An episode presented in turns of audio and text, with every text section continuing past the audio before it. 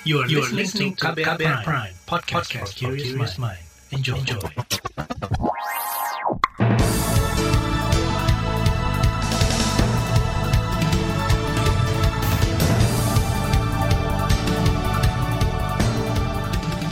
Selamat pagi saudara, senang sekali kami bisa menjumpai Anda kembali melalui program Buletin Pagi edisi Rabu 19 Januari 2022. Bersama saya, Naomi Liandra. Sejumlah informasi pilihan telah kami siapkan, di antaranya waspada Omikron pemerintah imbau warga bekerja dari rumah. Pemerintah jamin proyek IKN tak bebani APBN. Anggota Satgas Nemangkawi tertembak saat penyerangan pos di Papua. Inilah Buletin Pagi selengkapnya terbaru di Buletin Pagi. Presiden Joko Widodo mengimbau masyarakat membatasi aktivitas di luar rumah, menghindari kerumunan dan menerapkan kerja dari rumah atau WFH. Menurut Presiden, saat ini telah terjadi tren kenaikan kasus COVID-19 yang dipicu oleh varian Omikron. Hingga kemarin tercatat lebih dari 800 kasus COVID-19 varian Omikron. Sebagian besar kasus berada di DKI Jakarta dengan seperempatnya atau lebih dari 200 kasus merupakan transmisi lokal. Jika Bapak, Ibu, dan saudara-saudara sekalian tidak memiliki keperluan mendesak, sebaiknya mengurangi kegiatan di pusat-pusat keramaian. Dan untuk mereka yang bisa bekerja dari rumah, work from home, lakukanlah kerja dari rumah. Dan saya juga meminta untuk tidak bepergian ke luar negeri jika tidak ada urusan yang penting dan mendesak. Itu tadi Presiden Joko Widodo. Pada kesempatan berbeda, Direktur Pencegahan dan Pengendalian Penyakit Menular langsung Dirjen P2P Siti Nadia Tarmizi mengatakan pembatasan mobilitas dan kegiatan masyarakat merupakan wewenang pemerintah daerah.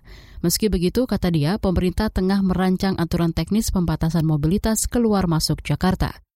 Dalam keterangan tertulis yang diterima KBR, Nadia mengatakan level PPKM di DKI Jakarta sudah disesuaikan dengan indikator yang telah ditentukan, termasuk capaian vaksinasi dosis pertama dan kedua. Dia juga meminta kepala daerah Jabodetabek untuk perkuat pengetesan, pelacakan, hingga vaksinasi lansia dan remaja.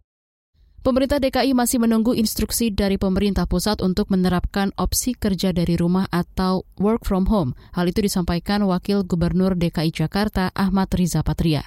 Dia juga menegaskan tidak akan menghentikan kegiatan PTM 100% meski terdapat tambahan kasus yang berasal dari klaster sekolah. Wagub mengklaim pihaknya siap menghadapi lonjakan kasus akibat varian Omikron itu. Ya tentu beberapa hal yang kita lakukan adalah Pertama, penguatan satgas COVID yang ada di sekolah-sekolah. Ini terkait sekolah ya. Nah, kedua, kita meningkatkan active case finding. Ya, testingnya kita tingkatkan, tracing kita tingkatkan. Kemudian percepatan vaksinasi, khususnya bagi anak-anak. Kemudian juga booster juga terus kita percepat. Itu tadi Wakil Gubernur DKI Jakarta Ahmad Riza Patria. Saudara, kendati DKI Jakarta menjadi wilayah penyumbang kasus Omikron dan penambahan kasus harian tertinggi, status PPKM level 2 DKI Jakarta tidak direvisi. Alhasil, ibu kota negara masih menerapkan pembatasan kerja dari rumah sebanyak 50 persen dan bisa melaksanakan pembelajaran tatap muka atau PTM 100 persen sampai dua pekan ke depan. Sementara itu, pemerintah Kota Bogor, Jawa Barat belum melarang warganya untuk bepergian ke DKI Jakarta. Wakil Wali Kota Bogor, Dedi Abdul Rahim, mengatakan tidak ada pembatasan mobilitas ketat yang diberlakukan di wilayahnya, walau masuk zona aglomerasi dengan DKI Jakarta.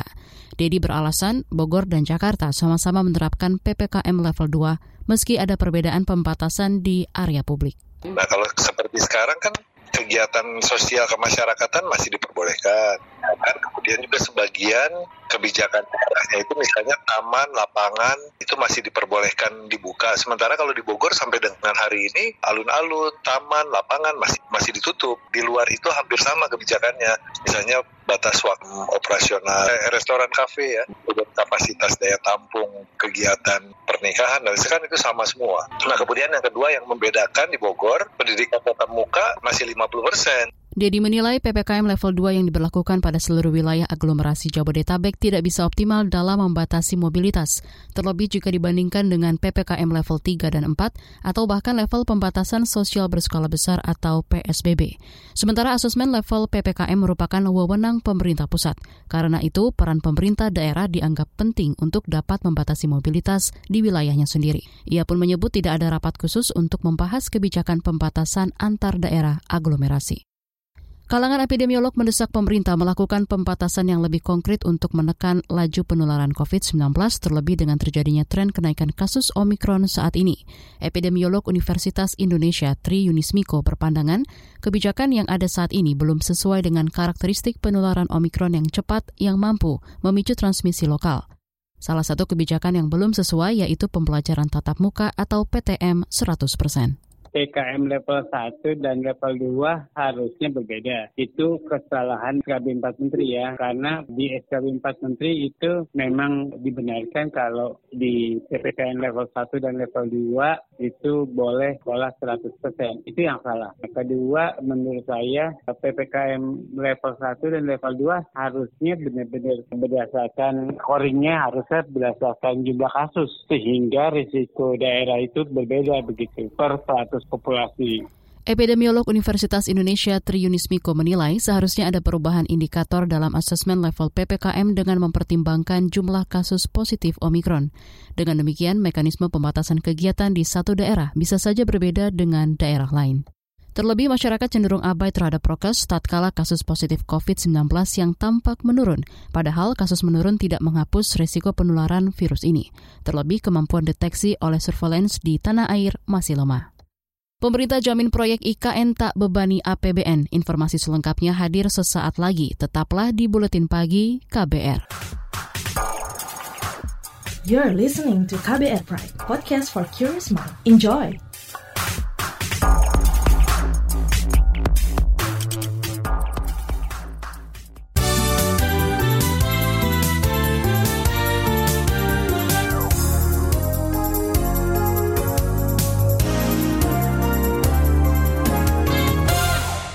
Anda sedang mendengarkan buletin pagi KBR.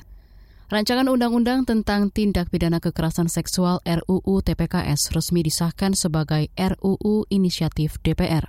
Fraksi PDIP di DPR menilai keberadaan undang-undang mengenai kekerasan seksual sangat penting dalam menuntaskan segala persoalan hukum terkait tindak pidana kekerasan seksual.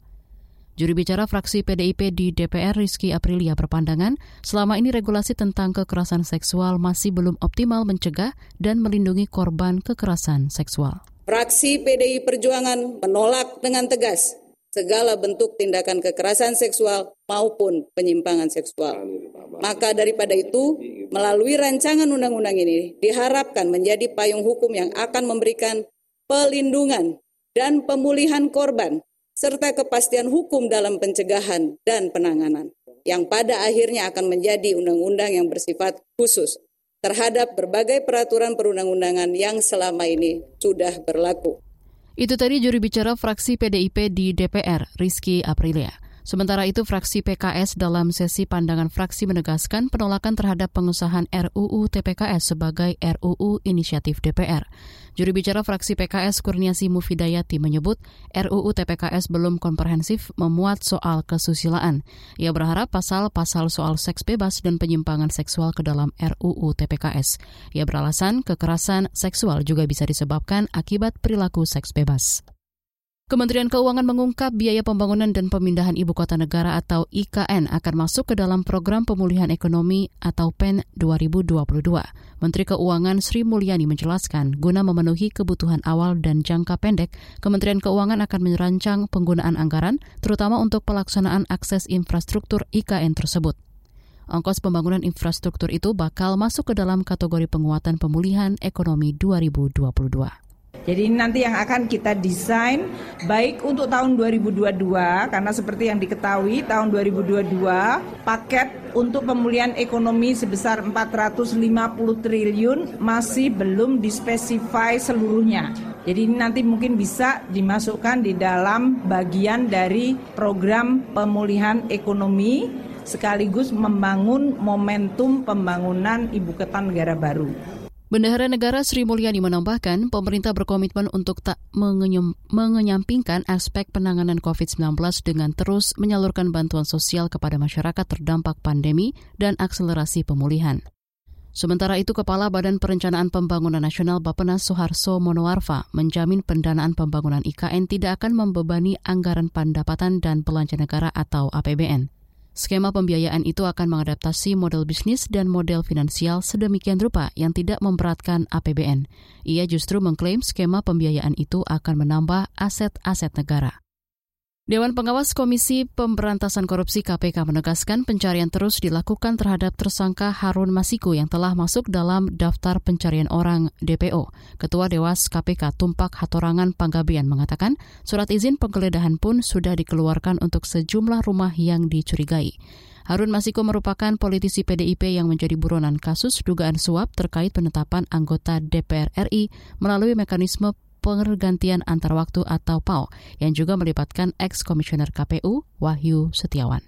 Bahwa KPK ya serius untuk melakukan pencarian itu. Nah, kalau melakukan audit tentunya tidak, tetapi untuk menanyakan kepada pimpinan sudah kami lakukan sejak tahun 2020, awal bahkan. Jadi kita selalu menanya itu, kenapa di mana kendalanya? Ketua Dewas KPK Tumpak Hatorangan mengatakan kendala pencarian Harun Masiku selama ini yaitu KPK belum mendapatkan informasi yang tepat soal keberadaan Harun Masiku. Adapun tersangka lain dalam kasus ini sudah mendapat putusan majelis hakim termasuk ex-komisioner KPU Wahyu Setiawan yang difonis tujuh tahun penjara dalam tingkat kasasi oleh Mahkamah Agung. Pemerintah mulai sebar minyak goreng seharga Rp14.000 per liter pada hari ini. Menteri Koordinator Menko Bidang Perekonomian Erlangga Hartarto dikutip dari Antara mengatakan, khusus untuk pasar tradisional akan diberikan waktu penyesuaian selambat-lambatnya satu pekan dari tanggal pemberlakuan. Minyak goreng kemasan dengan harga khusus tersebut akan disediakan sebanyak 250 juta liter per bulan selama jangka waktu enam bulan. Air Langga menjelaskan, penyebaran minyak goreng tersebut dilakukan pemerintah untuk menutup selisih harga minyak goreng demi memenuhi kebutuhan rumah tangga, industri mikro, dan industri kecil. Kebijakan tersebut didasarkan atas hasil evaluasi yang mempertimbangkan ketersediaan dan keterjangkauan harga minyak goreng bagi masyarakat. Pemerintah juga akan terus melakukan monitoring dan evaluasi secara rutin minimal satu bulan sekali terkait dengan implementasi kebijakan ini. Dalam rapat Komite Pengarah BPD PKS, diputuskan untuk selisih harga minyak goreng akan diberikan dukungan pendanaan dari Badan Pengelola Dana Perkebunan Kelapa Sawit atau BPD PKS sebesar lebih dari 7 triliun rupiah. Upaya menutup selisih harga ini tidak hanya diberikan untuk minyak goreng kemasan 1 liter, tetapi juga diberikan untuk minyak goreng dalam kemasan 2 liter, 5 liter, dan 25 liter. Kementerian Pendayagunaan Aparatur Negara dan Reformasi Birokrasi Kemenpan RB memastikan tidak ada lagi tenaga honorer di instansi pemerintah usai 2023. Menpan RB Cahyo Kumolo dalam keterangan tertulisnya mengatakan, kebijakan ini sesuai peraturan pemerintah PP tentang manajemen pegawai pemerintah dengan perjanjian kerja. Dalam belait itu, pegawai non-PNS di instansi pemerintah masih tetap melaksanakan tugas paling lama lima tahun saat peraturan tersebut berlaku di 2023. Cahyo mengungkapkan status pegawai pemerintah mulai 2023 nanti hanya ada dua jenis, yakni pegawai negeri sipil PNS dan PPPK, di mana keduanya disebut aparatur sipil negara atau ASN.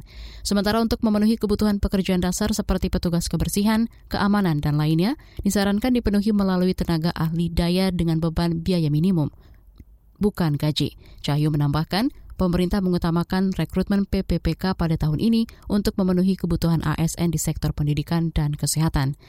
Selain itu, pemerintah juga akan mengkaji secara menyeluruh dampak dari transformasi sistem pemerintah berbasis elektronik atau SPBE yang akan diterapkan di seluruh instansi pemerintah. Kita ke informasi mancanegara. Infeksi harian COVID-19 di Singapura terus mengalami kenaikan dalam beberapa waktu terakhir. Selasa kemarin lebih dari 1.000 kasus COVID-19 tercatat dalam 24 jam terakhir. Berdasarkan data Kementerian Kesehatan Singapura, sebanyak lebih 600 kasus berasal dari transmisi lokal. Sementara itu, lebih dari 500 kasus lain berasal dari pendatang luar negeri. Singapura juga mengonfirmasi telah mendeteksi total 600-an kasus COVID-19 varian Omikron. Sebelumnya, Menteri Kesehatan Singapura Ong Ye Kung menghimbau warganya bersiap menghadapi gelombang Omikron. Menurutnya, gelombang COVID-19 varian Delta sudah mereda. Lonjakan Omikron terjadi meski 91 persen populasi Singapura telah menerima vaksin dosis lengkap dan sebanyak 50-an persen populasi juga telah menerima vaksin booster. Singapura bahkan telah mengizinkan vaksinasi pada anak 5-11 tahun sejak akhir bulan lalu. Beralih ke informasi olahraga, Persatuan Sepak Bola Seluruh Indonesia PSSI berharap laga persahabatan internasional FIFA antara tim nasional Indonesia versus Timor Leste dapat digelar pada 24 dan 27 Januari 2022 di Bali. Ketua Umum PSSI Muhammad Iriawan mengatakan pihaknya sudah meminta keringanan terkait karantina skuad Timor Leste kepada Satuan Tugas Penanganan COVID-19 pertandingan sesuai jadwal. Berdasarkan kebijakan Satgas COVID-19, pelaku perjalanan luar negeri harus dikarantina selama sepekan. Jika merujuk pada regulasi tersebut, maka Timnas Timor Leste seharusnya sudah mulai dikarantina sejak awal pekan lalu di Indonesia. Namun hingga kemarin sore skuad mereka belum tiba. Kendati demikian, Timnas Indonesia asuhan pelatih Sintayong dijadwalkan menjalani pemusatan latihan di Bali hingga 28 Januari mendatang. Menurut Iwan Bule, sapan akrab Muhammad Iriawan, pasukan Timor Leste sudah mengirimkan nama-nama pemain beserta paspor ke pihak imigrasi RI agar segera ditindaklanjuti. Mereka menyatakan kesanggupan dan memahami penerapan regulasi COVID-19 di tanah air. Selain itu, Iwan Bule juga belum dapat memastikan apakah laga kontra Timor Leste itu akan diperkuat Elkan Bagot, back yang bermain di klub Inggris Ipswich Town. Ia berharap klub Elkan memberikan izin untuk bergabung bersama timnas. Di bagian berikutnya kami hadirkan laporan khas KBR bertajuk Pemenuhan Air Bersih Ibu Kota Negara Baru. Nantikan sesaat lagi. You're listening to KBR Pride, podcast for curious mind. Enjoy!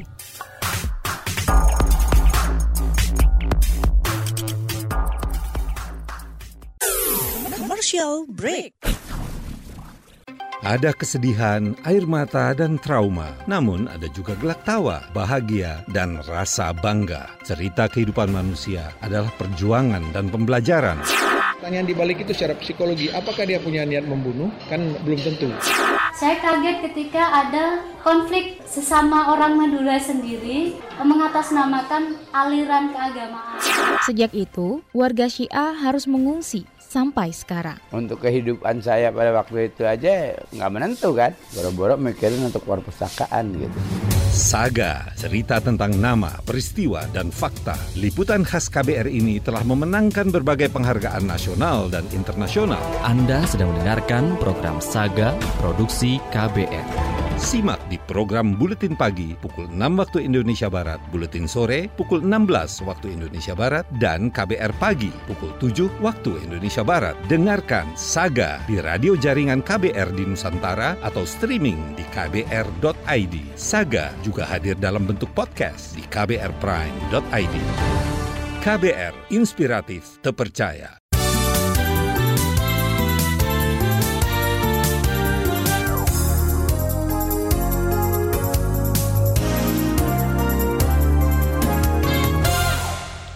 Anda masih bersama kami di Buletin Pagi KBR.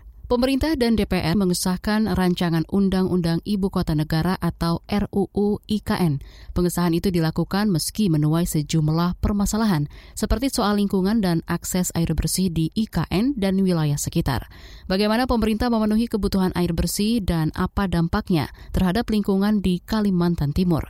Selengkapnya simak laporan khas KBR disusun Astri Yuwanasari. Pemerintah mengklaim telah mengantisipasi persoalan kebutuhan air bersih di calon ibu kota negara baru di Kalimantan Timur, yakni dengan membangun bendungan Sepaku Semoy sebagai infrastruktur pendukung ibu kota baru. Proyek bendungan itu telah dimulai sejak 2020 dan dijadwalkan selesai pada 2023. Menteri Pekerjaan Umum dan Perumahan Rakyat PUPR Basuki Hadi Mulyono menyebut 80 persen kapasitas air di bendungan akan disalurkan untuk kebutuhan ibu kota negara IKN. Ini bendungan diperuntukkan saja untuk Balikpapan yang memang selalu kekurangan air minum. Ya. Balikpapan ini hanya tergantung pada air permukaan karena air tanahnya sangat kecil.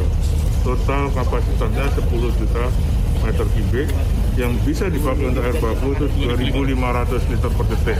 Nah, dengan ada rencana IKN ini, kita bagi 500 tetap ke Balikpapan, 2.000 kita persiapan untuk kebutuhan IKN tahap pertama ini. Biasanya ini banjir, nah, kalau ada hujan besar, nah ini dengan adanya ini bisa 53 persen di reduksi debit banjir tersebut. Bendungan Sepaku Semoy terletak di Desa Tengin Baru, Kecamatan Sepaku, Kabupaten Penajam Pasir Utara, Kalimantan Timur, yang berjarak sekitar 81 km dari kota Balikpapan.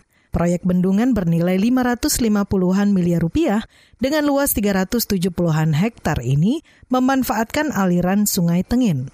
Namun, pembangunan bendungan ini justru dinilai akan menimbulkan masalah baru di wilayah Kalimantan Timur. Direktur Wahana Lingkungan Hidup Indonesia Walhi Kalimantan Timur, Yohana Tiko mengatakan, sumber air untuk bendungan tersebut diambil dari aliran sungai kecil yang akan langsung berdampak pada aliran air tawar dan ekosistem di Teluk Balikpapan. Ya bendungan itu akan mempengaruhi ketika dia sudah dibangun full, itu akan mempengaruhi Teluk Balikpapan karena air, sumber air tawar itu dari sungai kecil yang akan dibendung di dalam bendungan itu, gitu ya, yang mengalir ke Teluk Balikpapan satu. Yang kedua, kalau bicara soal air, makanya kita harus tahu dulu kebutuhan air yang di situ dengan hadirnya ibu kota negara baru ini berapa banyak kan begitu. Nah baru kita tahu itu akan mensupport atau tidak kan begitu kan kalau dia pakai juga uh, apa air tanah kan gak ada bedanya dengan Jakarta gitu. Apalagi menurut Yohana, Sepaku adalah wilayah krisis lingkungan yang dalam beberapa tahun terakhir sering terjadi bencana. Karena sekarang ini dua tahun terakhir itu mbak di daerah Sepaku dan sekitarnya itu sudah banjir terus gitu. Hmm. Itu kan sudah menandakan bahwa di situ sudah krisis. Tambah lagi beban hadirnya itu, ya kita nggak tahu tambah bagaimana. Meski dikritik, pembangunan terus berjalan. Pemerintah mengklaim telah melakukan kajian lingkungan hidup strategis KLHS terkait pemindahan ibu kota negara ke Kalimantan Timur. Direktur Dampak Pencegahan Lingkungan Kebijakan Wilayah dan Sektor di Kementerian LHK, Erik Teguh Primiantoro mengatakan, aspek perlindungan lingkungan hidup juga telah diatur dalam rancangan Undang-Undang Ibu Kota Negara UU IKN. Nah, dalam konteks master plan sendiri, itu sudah kami lakukan kajian lingkungan hidup strategis. KLS kami lakukan pada saat Bapak Presiden mengumumkan ibu kota, Agustus langsung kami lakukan sebagai basis pertama. Kemudian didetailkan kembali oleh KLS Master Plan Bappenas, dan nanti akan didetailkan kembali kembali oleh kajian-kajian lingkungan di rencana tata ruang IKN, eh, KSN maupun RDTR-nya tadi. Jadi aspek-aspek pencemaran, sirkular ekonomi sampah, daya dukung daya tampung, banjir, termasuk pemulihan ekosistem, lubang tambang, kemudian restorasi ekosistem akan menjadi kata-kata kunci yang akan dilakukan oleh dalam konteks di ibu kota negara tadi. Namun, klaim itu lagi-lagi dipertanyakan para pegiat lingkungan hidup. Wahana Lingkungan Hidup Indonesia Walhi menyebut KLHS di calon ibu kota negara IKN baru di Kabupaten Penajam Pasir Utara, Kalimantan Timur masih menyisakan sejumlah persoalan. Manajer kampanye eksekutif nasional Walhi, Wahyu A. Perdana mengatakan, Permasalahan itu di antaranya ancaman terhadap tata air dan resiko perubahan iklim, kemudian ancaman terhadap flora dan fauna, serta ancaman terhadap pencemaran dan kerusakan lingkungan hidup. Satu ada problem soal tata hidrologi. Kalau itu kemudian dibebani, padahal sekarang pun sudah dibebani oleh izin yang cukup banyak, itu akan daya dukung daya tampungnya nggak cukup. Dia akan punya beban resiko itu. Belum lagi bicara ketersediaan air. Nah, kenapa saya sebut soal ketersediaan air? Itu itu bukan hanya muncul di studi kita ya, tapi di studi-studi pemerintah sendiri juga muncul. Yang kedua, dalam konteks daya tampungnya terhadap pencemaran, khususnya yang air. Jadi problem lingkungannya besar. Demikian laporan khas KBR, saya Aika Renata. Informasi dari berbagai daerah akan hadir usai jeda. Tetaplah bersama Buletin Pagi KBR. You're listening to KBR Pride, podcast for curious mind. Enjoy!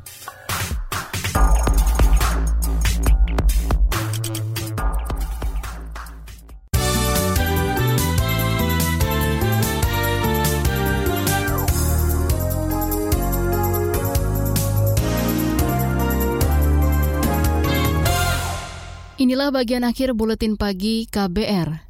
Seorang anggota BRIMOB mengalami luka tembak saat kelompok bersenjata menyerang pos Satgas Nemangkawi di distrik Kiwirok, Kabupaten Pegunungan Bintang, Papua pada Senin lalu. Kapolres Pegunungan Bintang Cahyo Soekarnito mengatakan korban bernama Bahtiar Yuni Wandaru tertembak di bagian bahu kiri. Kata dia, anggota Satgas Nemangkawi yang tertembak telah dievakuasi ke Rumah Sakit Bayangkara di Kota Jayapura untuk mendapat perawatan medis. Telah terjadi aksi penyerangan di distrik Kiwirok, yaitu di pos Satgas Nemangkawi, distrik Kiwirok, sehingga terjadi kontak tembak antara Satgas Nemangkawi dan KKB sehingga menimbulkan korban luka atas nama Baratu Bahtiar Yuni Wandaru dari Satgas Nemangkawi. Kapolres Pegunungan Bintang Cahyo Soekarnito menjelaskan korban ketika itu sedang berdiri di depan pos untuk memantau situasi. Pada waktu itu kondisi sekitar sedang berkabut. Saat korban hendak kembali ke dalam pos, kelompok bersenjata menembak ke arah pos dan mengenai korban. Kemudian rekan-rekan korban yang ada di pos langsung melakukan tembakan balasan. Kontak senjata antara kedua pihak terjadi selama beberapa menit sebelum kelompok penyerang kabur. Pemerintah Kabupaten Rembang, Jawa Tengah mendeteksi adanya kemiskinan ekstrim di 25 desa yang tersebar di 5 kecamatan. Wakil Bupati Rembang, Muhammad Hanis Khalil Baro, mengungkapkan kategori kemiskinan ekstrim, yaitu pendapatan per kapita sebuah keluarga tidak sampai Rp12.000 per hari atau kurang dari Rp420.000 sebulan. 25 desa di 5 kecamatan yang teridentifikasi apa ya terpapar itu ya terpapar kemiskinan ekstrim. Ini kemarin saya bersama teman-teman termasuk Pak Subhan dari, dari Dinsos dan OPD-OPD lain bersama lima camat di lima kecamatan itu sudah melakukan koordinasi Wakil Bupati yang biasa disapa Gus Hanis ini mengklaim akan terus berkoordinasi dengan pihak terkait untuk mengentaskan kemiskinan ekstrim pada tahun ini. Kata dia perlu kerjasama insentif dengan beberapa pihak untuk melakukan percepatan, semisal dengan menggandeng perusahaan untuk optimalisasi biaya tanggung jawab sosial perusahaan atau CSR, serta meminta media massa menyajikan perkembangan penanganan. Pemerintah Kabupaten Rembang memastikan program pengentasan kemiskinan ekstrim itu akan dibarengi dengan program pemberdayaan perempuan. Informasi tadi menutup jumpa kita di Buletin Pagi hari ini. Pantau juga informasi terbaru melalui kabar baru, situs kbr.id, Twitter kami di akun @beritaKBR, serta podcast di alamat kbrprime.id.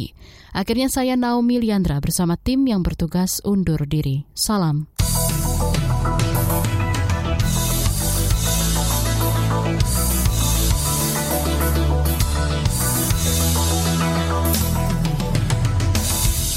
KBR Prime, cara asik mendengar berita.